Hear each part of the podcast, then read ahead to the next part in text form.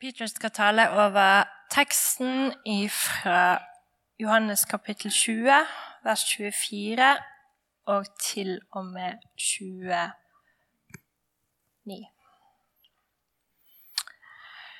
Thomas, en av de tolv, han som ble kalt Tvillingen, var ikke sammen med de andre disiplene da Jesus kom.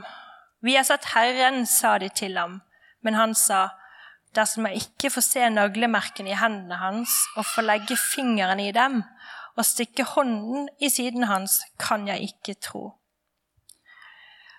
Åtte dager senere var disiplene igjen samlet, og Thomas var sammen med dem. Da kom Jesus mens dørene var lukket. Han sto midt iblant dem og sa, Fred være med dere. Så sier han til Thomas, Kom med fingeren din, se her er hendene mine. Kom med hånden og stikk den i siden min, og vær ikke vantro, men troende. Min Herre og min Gud, sa Thomas.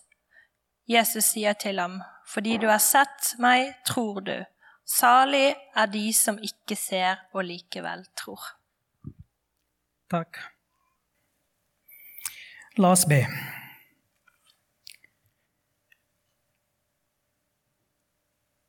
Kjære himmelske Far. Vi takker deg for din nåde til oss. Far, åpne våre hjerter.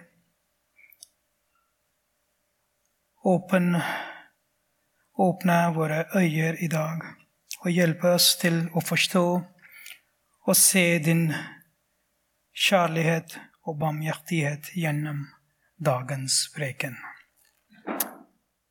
Amen.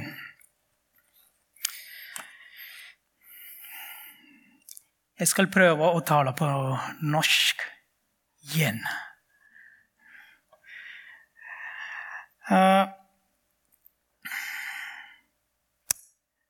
en gang leste jeg en historie om sosialhjelpen.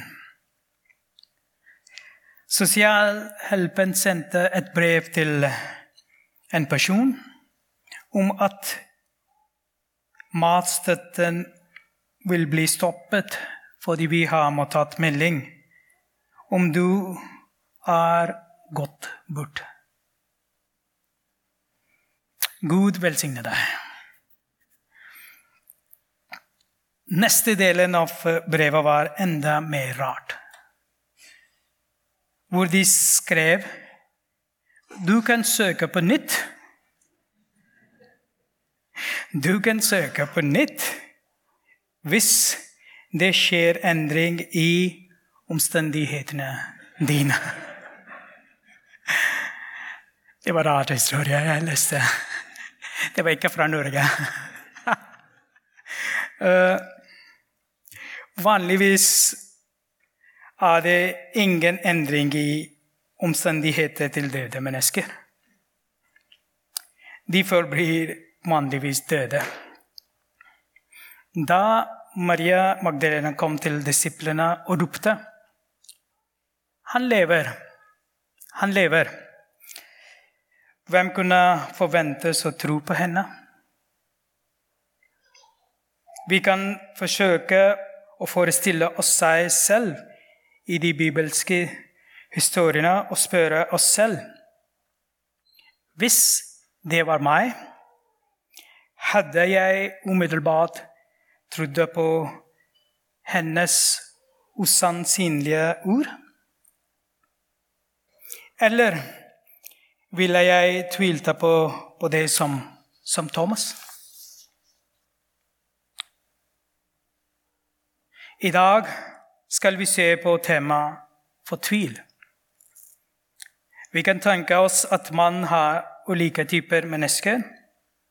Og alle disse forskjellige typer mennesker har forskjellige måter å tenke og se på ting. F.eks. noen som nesten aldri tviler på Guds ur i Bibelen og på Jesus' oppstandelse. Så har man også andre typer eller andre mennesker som stiller spørsmål ved alt. Og lurer på kan det virkelig være sant. Er Jesus virkelig stått opp fra døde? Eller er det Jesus' oppstandelseshistorie er en falsk påstand som er diktert av en kvinne som var i opulensa av sørg? Er det hele en fantasi? Er det sant? Selv den sterkeste religiøse personen blant oss vil ha falt på tvil. Det kan være om man må begrave en kjær person og spørre seg selv Finnes det virkelig en oppstandelse? Er fortellingen om Jesus sant? Det kan være noe når vi snakker med noen av en annen tro og må argumentere for din egen. Kanskje man, man tenker er det jeg tror virkelig riktig? Og det de tror virkelig feil? La oss se hva Bibelen sier om tvil. Vi skal se på noen aspekter ved tvil. Vi kan lære fra, fra Jesus. Hva gjorde han da han viste seg for Thomas? Kritiserte han Thomas?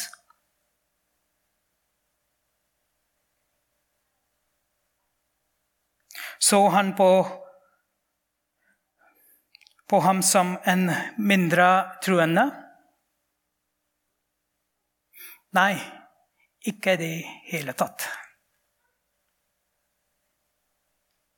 Han lot Thomas få bekreftelse ved at han tar på sårene hans. Så sier han til Thomas, Jesus sier til Thomas Kom med fingeren din. Se, her er hendene mine. Kom med hånd og stikk den i siden min. Og var ikke vantro, men truende. Jesus åpnet armene med kjærlighet og inviterte ham uten å dømme tvilens hans. Og det ledet til at Thomas trodde. Han erklarte og aksepterte ved å si, 'Min Herre, min Gud'. Og det var, bare, det var ikke bare Thomas som var i tvil. Når vi leser Bibelen, finner vi at flere av Guds tjenere hadde tvil om Gud. I salmene sier David, 'Gud, jeg vet ikke hva som skjer.' 'Hvorfor tillater du dette?' Hvorfor skjer dårlige ting med gode mennesker? Og Jobb sier, 'Gud, er du sikker på at du virkelig elsker meg?' Er du sikker på at du vet hva som skjer med meg? Er du sikker på at du har makt til å, til å endre situasjonen min?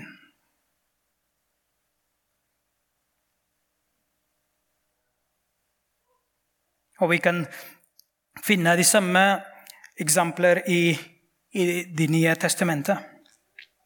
Eksempel Peter tvilte da han gikk på vannet.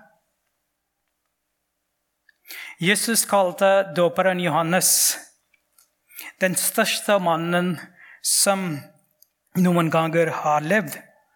Og til og med dåperen Johannes var i tvil.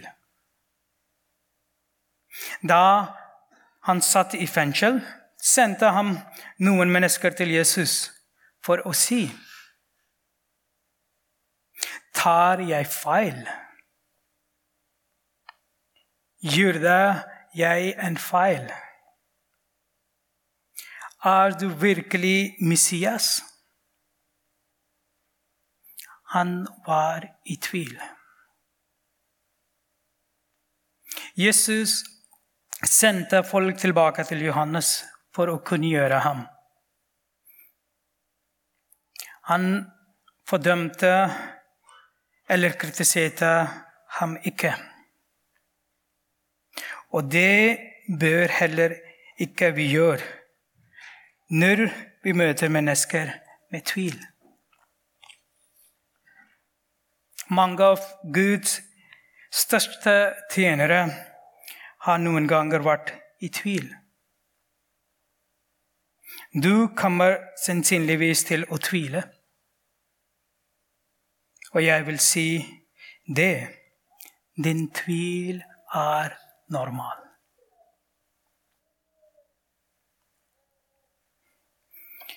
Et av problemene med tvil er at vi blander alle slags tvil sammen.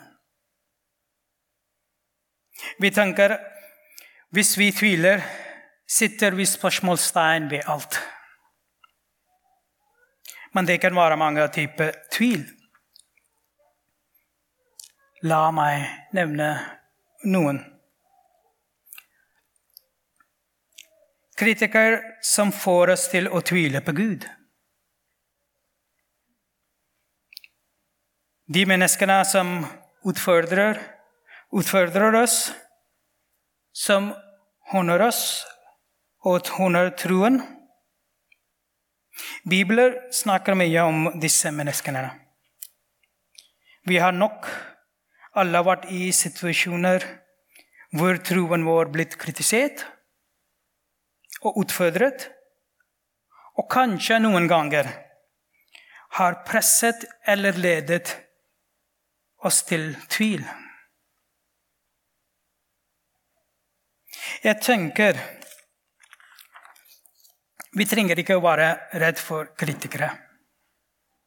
Vi trenger ikke å være redd for å virke stille eller svare på tøffe intellektuelle spørsmål.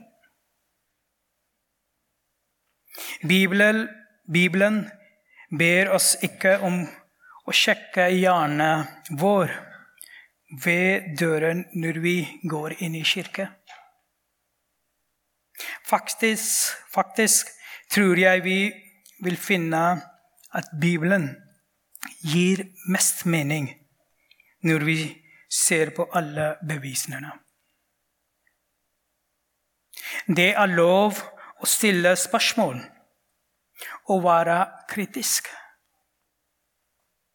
Og dette faktisk være trosstyrkende. Den andre typen tvil forsaket av omstendigheter. Noen ganger er det vanskelig å få troen til å passe med livets smertefulle realiteter. Når noen vi elsker, blir hardt skadet eller død, eller vi mister en jobb, eller ferieplanen vår eller andre viktige planer blir ødelagt, eller et ekteskap som går i stykker. Livets harde realiteter begynner å knuse troen vår. For mange av oss er det et stort, stort gap mellom det vi forventer, og det vi faktisk opplever. Og som et resultat begynner tvilen å komme i tankene våre. Og hva vi har blitt lært å tro. omstendigheter kan få oss til å tvile på Gud. Når bønner er ubesvarte, når det er en tragedie som rømmer når vi står overfor en umulig situasjon. La meg gi dere et eksempel på, på mitt liv her. Jeg mistet med tre år mellom begge mine foreldre. Og huset og kirka min ble brent ned av muslimsk mobb. Etter alle disse hendelsene tvilte og spurte jeg Gud. Gud, Hvorfor la du disse tingene skje med meg? Du kalte meg til å være din tjener. Elsker du meg ikke lenger? Vil du ikke at jeg skal tjene deg? Det var en sørgreaksjon med tvil som jeg hadde etter alt dette. Jeg tvilte, og jeg er sikker på at mange av dere har vært i samme situasjonen. Der du stilte de samme spørsmålene til Gud.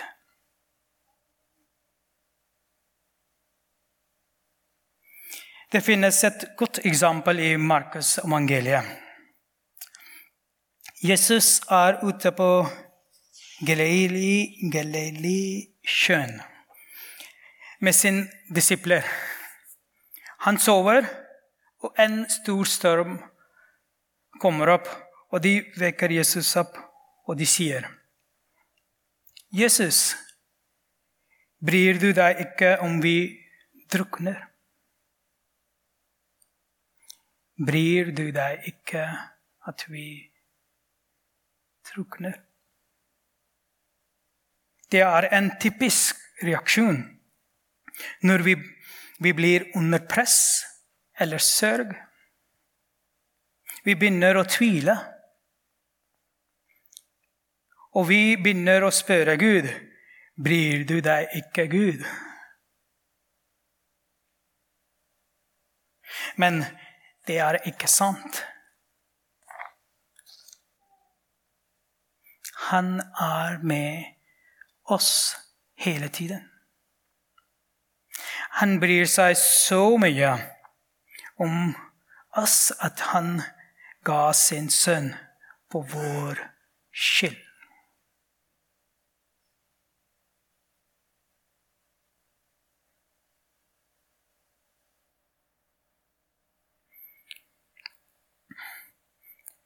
Noen av, noe av de mest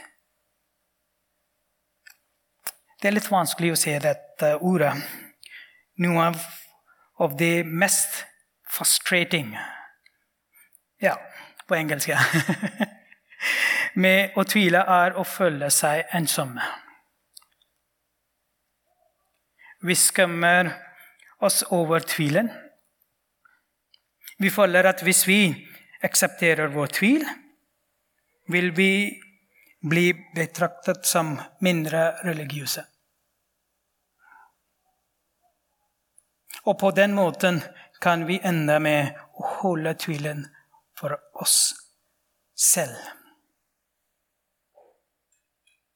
Men noen ganger kommer de som kjemper med tvilen, ofte ut med den sterkeste troen. Thomas' tvil var en mulighet for ham. Da han til slutt sa Jesus, ble hans tvil besvart. Men han, ikke, men han gikk ikke bare bort og sa OK, jeg tror. Han utberørte. Min Herre, min Gud. Hjertet hans ble forandret. Tvilen hans ledet ham til slutt til tro. Og når vi er i samme situasjonen, bør vi ikke bare stoppe opp og la tvilen overvinne oss. Vi bør fortsette å søke etter Gud, etter sannhet, og la Gud forandre oss.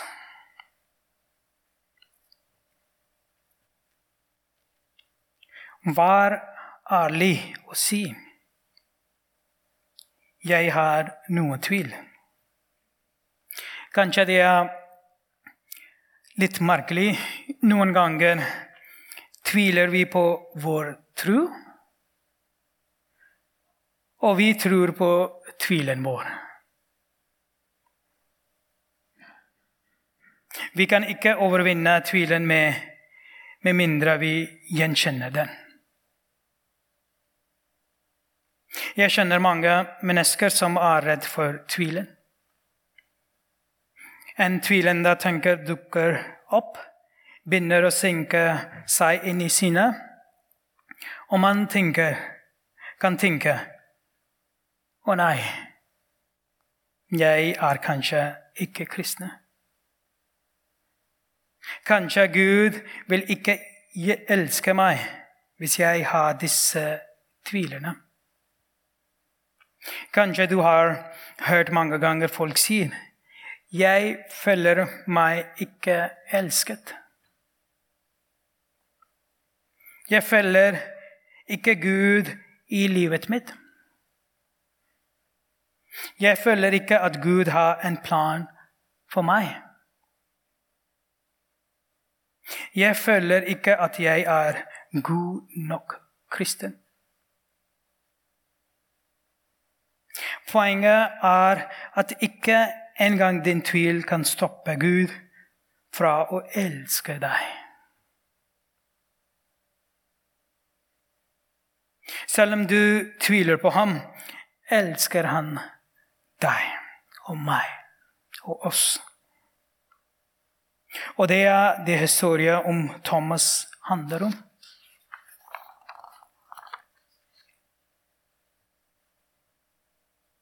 Ærlig tvil er bedre enn uærlig tro.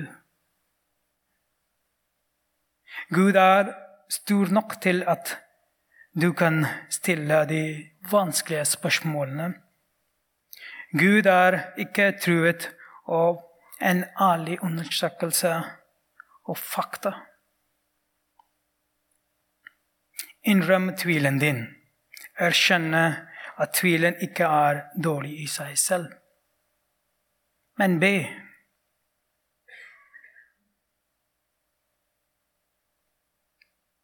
Be at Gud hjelper deg med tvilen din. Og hvis vi søker Gud, spørrer Gud og stoler på Gud Han vil hjelpe oss i vår tvil. Han vil hjelpe oss å overvinne den. Men noen ganger tenker vi at man må ha stor tro for å tro på, på Gud. Det finnes veldig, veldig fin og veldig vakkert historie i Markus 9. En mann kommer til Jesus med sin syke sønn. Jesus så på ham og sa, 'Du man tror slekt, hvor lenge skal jeg være hos dere?' 'Hvor lenge skal jeg holde ut med dere?' Kom hit med gutten. De kom med ham, og straks ånden fikk se Jesus, rev og slett den i gutten. Så han falt over ende og ved og seg og forrådet. Jesus spurte faren hvor lenge har han hatt det slik. Fra han var liten gutt, svarte han. Mange ganger har Ånden kastet ham både i ild og i vann for å ta livet av ham. Men om det er mulig for deg å gjøre noe, så ha medfølelse med oss og hjelpe oss. Om det er mulig for meg, svarte Jesus. Alt er mulig for den som tror. Straks ropte guttens far. Jeg tror. Hjelp meg i min vantro. Har du noen ganger falt det slik? Kan vi fylles med tro og tvil på samme, samme tid? Svaret er ja. Vi kan ha tro på Gud, at Gud vil at vi, du og vi skal gjøre noe, men samtidig være dødsredd.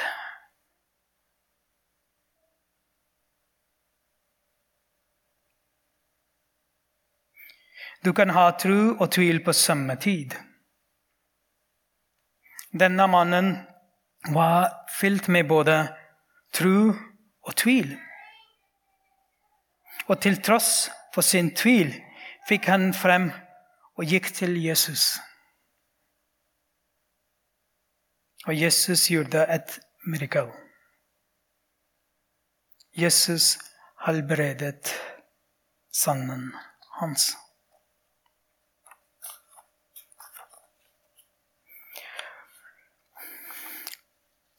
Uansett hvor svak eller skjør du tror troen din er, ja, det er nok.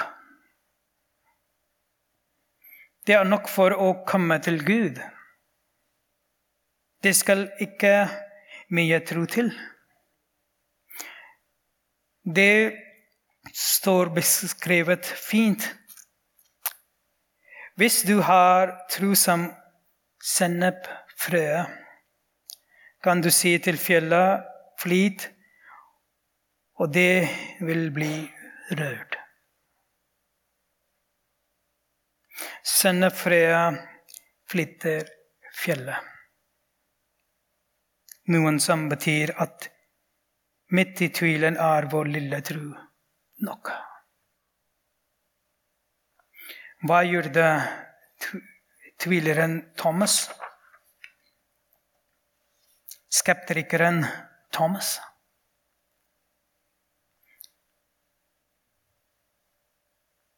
Til en troende. Han hadde fortsatt liten tro. Og han fikk et personlig møte med Jesus. Og det gjelder for oss alle også liten tro kan lede oss til å ha et personlig forhold til Jesus. Til slutt jeg skal gi dere et vers fra Matteus 17, 20, hvor står det Fordi dere har så lite tro svarte han. Sannelig, jeg sier dere, om dere har tro som et sennepfrø, kan dere si til dette fjellet, flyt deg herfra og dit, og det skal flytte seg. Og ingenting skal være umulig for dere. Amen.